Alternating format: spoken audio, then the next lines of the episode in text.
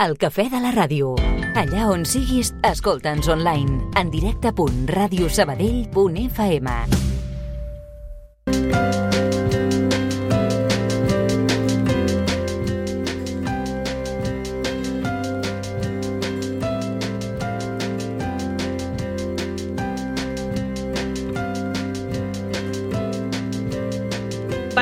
les veus a les quals més vam recórrer durant la pandèmia del coronavirus per conèixer l'evolució de la Covid-19, la incidència a l'Hospital de Sabadell, les variants que circulaven, les previsions de futur. El doctor Manel Cervantes s'havia de jubilar pocs dies abans de la pandèmia del coronavirus, recordo que ens ho explicava en una entrevista, però sent el cap del Servei de Malalties Infeccioses i segurament també per voluntat de coneixement, va decidir ajornar-ho una mica. I aquesta mica s'ha acabat convertint en 4 anys més. I avui en volem parlar de tot plegat amb el doctor Cervantes ja jubilat, que passa al cafè de la ràdio, que s'asseu aquesta cadira. Què tal, doctor Cervantes? Molt bé, molt content, perquè... Acostis una mica més al micròfon. Porto una setmana i mitja jubilat i no he tingut temps de fer res del que em pensava que podria fer quan em jubilés. Confio que això a poc a poc es vagi posant al seu lloc, però estic bé, estic content. He fet una cosa que tocava, i tocava ja feia temps, com has dit, però jo crec que, a més, eh, no hi ha res que em prohibeixi seguir estant interessat en les coses que m'agraden, inclosa la medicina, encara que no l'exerceixi. Clar, i, i encara se li ha de dir doctor o no? No, no. A- Això de la- de Un l'arbitrarietat... doctor serà tota la vida, no?, per això. A veure, això es diu dels metges en general, però és una paraula buida. O sigui, un doctor és algú que fa el doctorat en qualsevol especialitat, sigui medicina, sigui químiques o sigui literatura. Però la, la població es dirigeix als metges com a doctor. Jo, jo he procurat amb els pacients que fa molts anys que porto tenir la confiança perquè em diguin Manel o Manolo, si volen, però la realitat és que majoritàriament la gent em diu doctor i segurament em dirà, però jo, jo sóc el Manel. I com el Manel Cervantes, eh, que acaba la carrera de Medicina, acaba especialitzant-se en malalties infeccioses? Quin és el recorregut per arribar a aquest punt? Eh, Jo, jo crec que el, el que he fet històricament des dels anys 80 que vaig acabar l'especialitat de Medicina Interna, que és la meva especialitat, és dedicar-me una mica al que m'agradava i al que feia falta.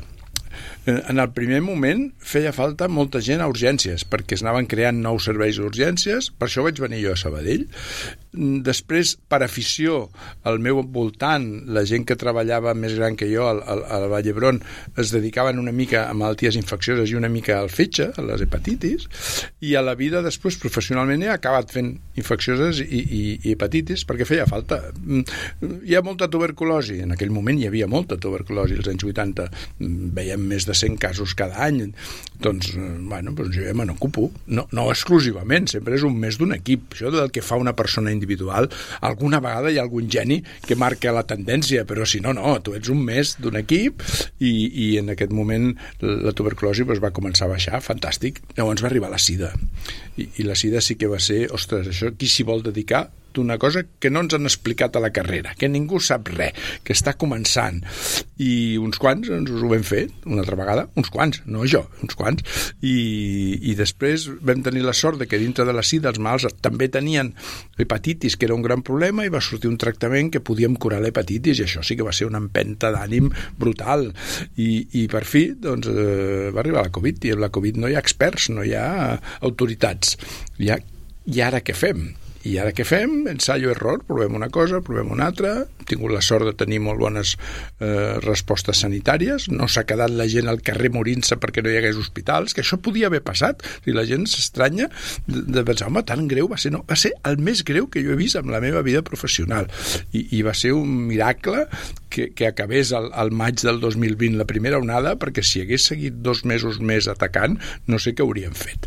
I tot això va portar el que diuen un expert en infeccioses, que no ho sóc, jo sóc un metge que s'ha dedicat sobretot a malalties infeccioses. Um, se'n va amb la sensació que la pandèmia del coronavirus és una carpeta tancada? És a dir, uh, que Manel Cervantes decideixi jubilar-se ara vol dir que allò que el va fer esperar-se uns anys ja ho dona per tancat? No, no, Manel Cervantes es jubila perquè eh, ja té una edat i hi ha gent que ho farà millor. Això és el, la base. Sí, però jo entenc que en aquell segona... moment, el 2020, doctor Cervantes, quan vostè diu, ostres, m'he de jubilar, ara hi ha una part, també, de dir, ostres, ara que ve això que pot ser el més important de la meva carrera, no, me n'he d'anar? Mira, si vols que et digui la veritat, no, no, no? no és per això. Eh? Jo, jo en aquell moment era, com deies, el, el, el responsable del Servei de Malalties Infeccioses, que en aquell moment érem sis o set persones que, mm, de metges i, i un equip d'infermeria molt bo, i fent això mm, em van encarregar que també fes de president del comitè d'infeccions. -huh. Els comitès de l'hospital són lloc uns òrgans que no són gestors, són òrgans consultors, que reuneixen una mica de gent de cada lloc i que es troben cada mes per discutir coses, a vegades aprovar-ne, però la majoria de les vegades només per discutir com està la jugada i assessorar la direcció. Llavors aquest era el meu càrrec i des del novembre, desembre del 19 anàvem seguint eh, això de que hi ha uns casos de pneumonia a la Xina i, què és, i ho seguim amb molt interès perquè ostres, si arriba aquí això pot ser una gran complicació.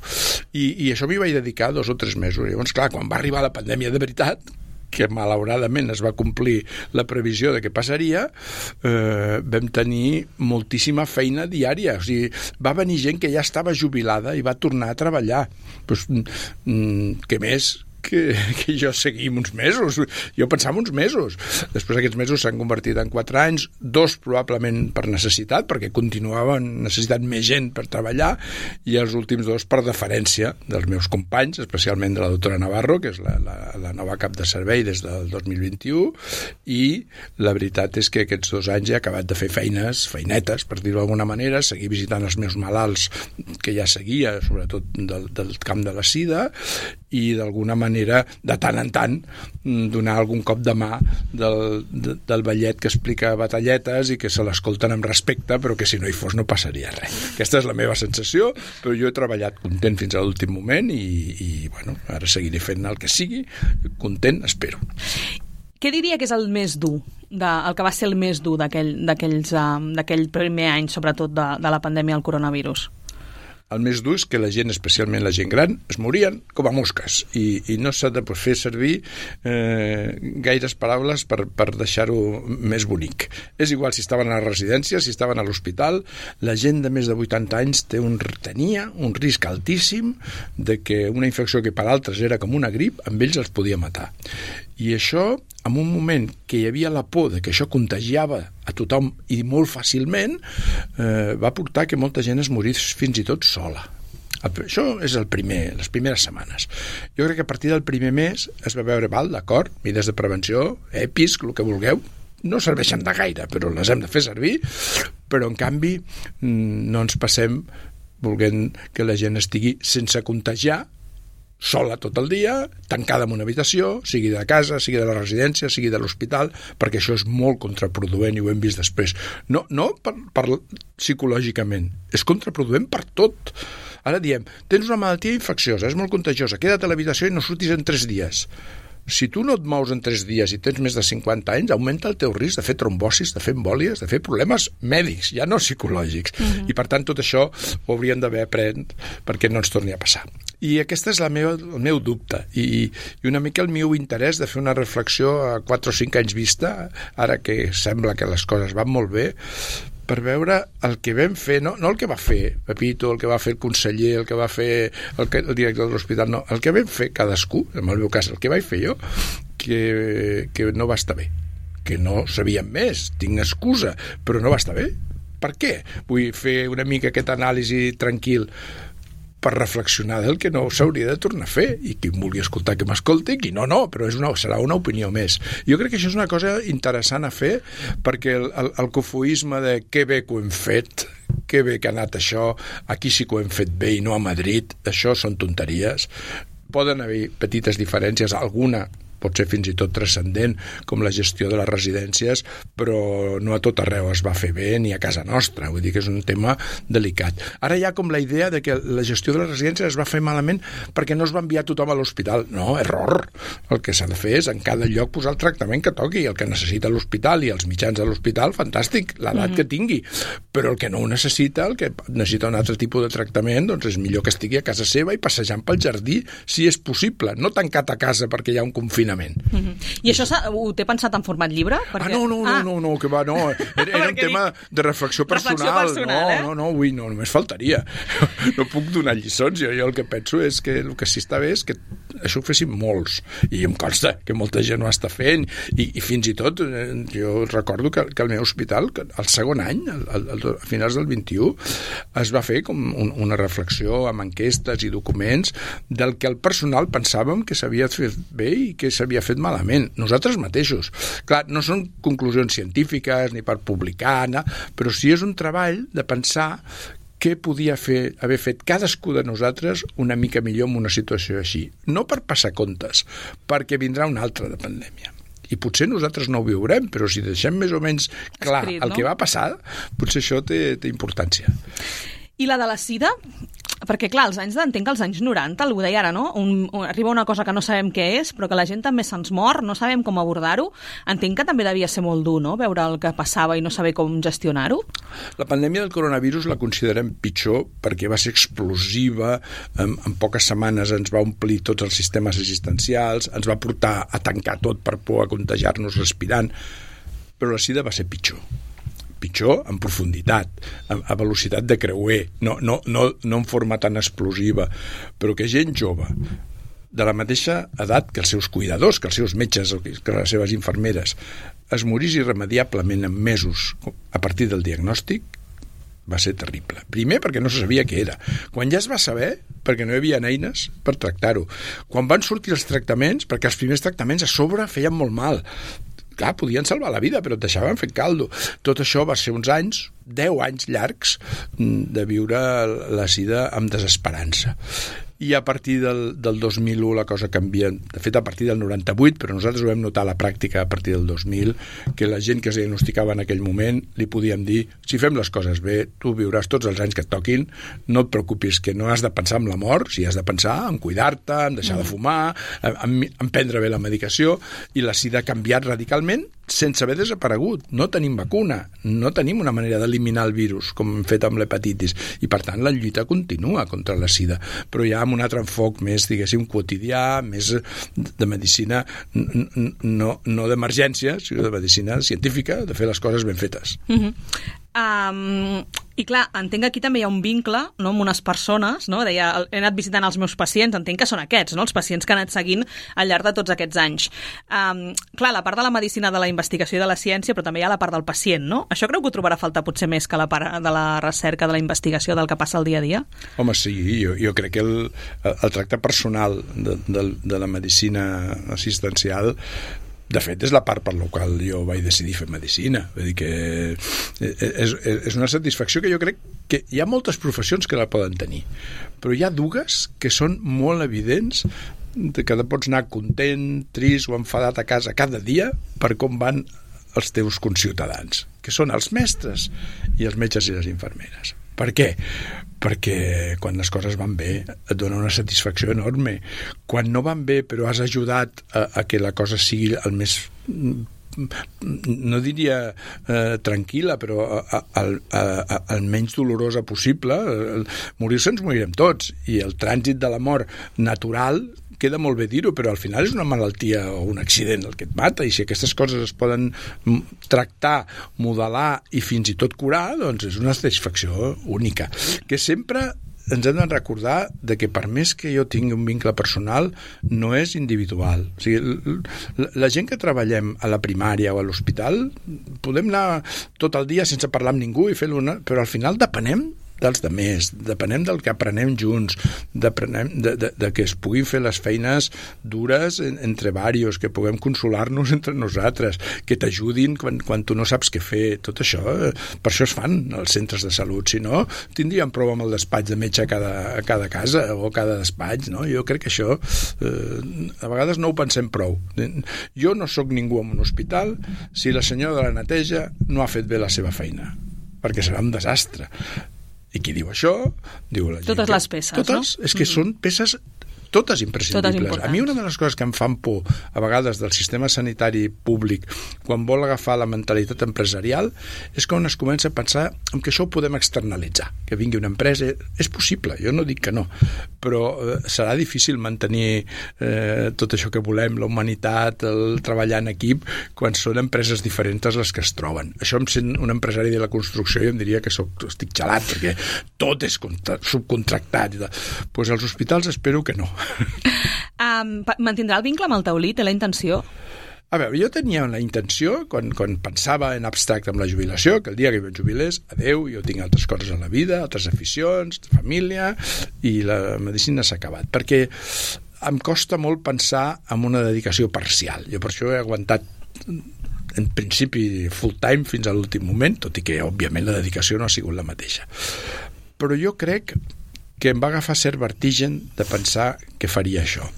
I a última hora estic intentant lligar-me d'alguna manera a activitats que no poden ser eh, remunerades perquè si no ja no tindria la meva pensió, que per cert ja he cobrat ahir. Doncs enhorabona. I que d'alguna forma eh, l'interès per com va almenys l'aspecte de la pandèmia eh, fins que tinguem clarament la idea de que bueno, s'ha acabat. Bueno, clar, pot estar d'alguna manera assessorant, però no? Això, bueno, no, no, no, assessorar ja no. Eh? No, això, ja els, els, els que han de fer les coses no necessiten un assessorament d'un jubilat. Acompanyant, però si sí, acompanyar amb alguna cosa que, que faci falta alguna vegada, però, però més aviat des de fora, no, no, no d'estar allà. Però no, no la primera idea que pensava que adeu, jo ara ja no sóc metge i s'ha acabat.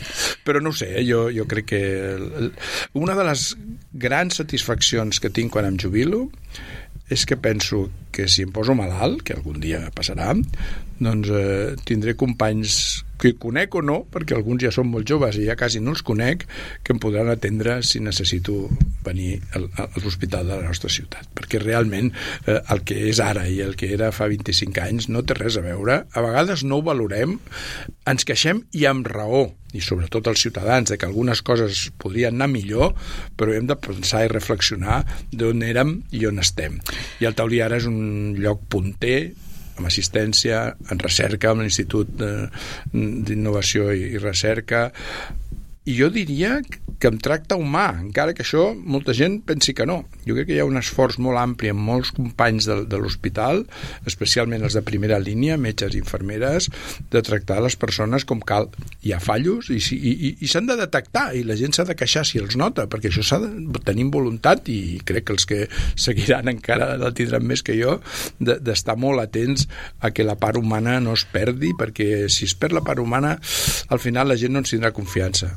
Doctor Cervantes, i la part mediàtica? Perquè la pandèmia de coronavirus una cosa que ha portat és que el veiem a la tele, ahir, per exemple, era TV3, no?, i esclatava tota, tot aquest coneixement que teníem de, de la seva jubilació, però aquesta part mediàtica la, li agradaria mm, mantenir-la d'alguna manera. Li dic perquè um, al final ha estat la cara visible de, de la pandèmia del coronavirus respecte a l'hospital, com a mínim en aquesta emissora, mm. segur, uh, i no sé si ha gaudit i per tant li agradaria mantenir-ho.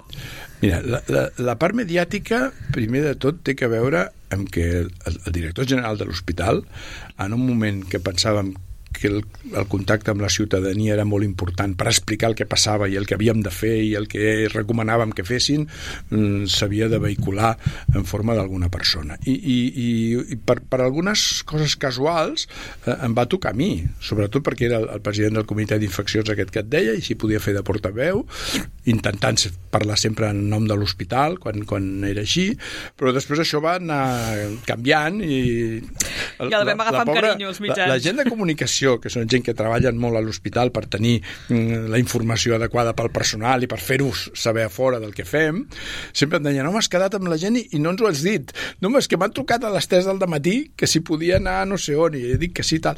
I, i ells que ho tenien tot amb una agenda ordenada, no com jo, deien, bueno, avui sí, però demà no sé què. I, i, i els hi demano disculpes per haver sigut així tots aquests 4 anys. Però dit això, jo m'he sentit molt còmode quan he notat que s'entenia el que jo volia dir i que no m'equivocava gaire al, al dir-ho, i després m'ha tractat molt bé. O sigui, m'heu tractat molt bé aquí localment i, i per sorpresa després resulta que, que a nivell de, de la televisió, televisió nacional catalana també, vull dir, d'alguna forma què més vull? Un company meu em va dir no t'hi fiquis amb això que acabaràs eh, escaldat. escaldat. I he pensat, bueno, escaldat no, però amb la sensació de que quan passaven tres dies i no m'havien dit res, pensava, ostres, que és, que és raro, això no, això no té cap sentit. I com no té cap sentit és lògic que s'acabi i ara més que mai. Ara jo mm, m'he sentit molt content content de veure persones, pacients, familiars, tal, que m'havien escoltat en un moment d'aquells crítics i en moments que tothom criticava molt fàcilment les decisions del, dels que manaven. Jo sempre deia, quan no sabem el que s'ha de fer, discutim tot el que calgui, en públic, en privat, sí. però quan hi hagi una recomanació oficial del nostre Departament de Sanitat, s'acaba la discussió podem dir, bueno, d'aquí tres mesos veurem si ha funcionat o no, però no podem estar cada dia de no, mascareta sí, mascareta, mascareta, mascareta no. Escolta, jo tinc una fe relativa amb les mascaretes, ho, sabem. ho he dit sempre, però, òbviament, alguna utilitat té. El que no és la solució per acabar amb la pandèmia, però clar que fa alguna cosa. Doncs el que la vulgui portar només faltaria. I la gent vulnerable, encara que no vulgui, fem-li veure que, que potser val la pena. Doctor Cervantes, moltes gràcies per avui i per tots els dies, eh, que l'hem trucat altes hores, també servidora, i li hem demanat que, que ens pogués acompanyar i que ens pogués pogués ajudar. Que Gràcies vagi molt a bé. vosaltres i un cop més eh, els mitjans de comunicació són molt importants per l'àmbit sanitari, no per fer propaganda de que xulos que som, sinó per als moments crítics fer arribar el missatge a la població. Doncs alguna trucada meva rebrà segur algun dia per ajudar-nos a explicar alguna cosa. Que vagi molt bé. A reveure.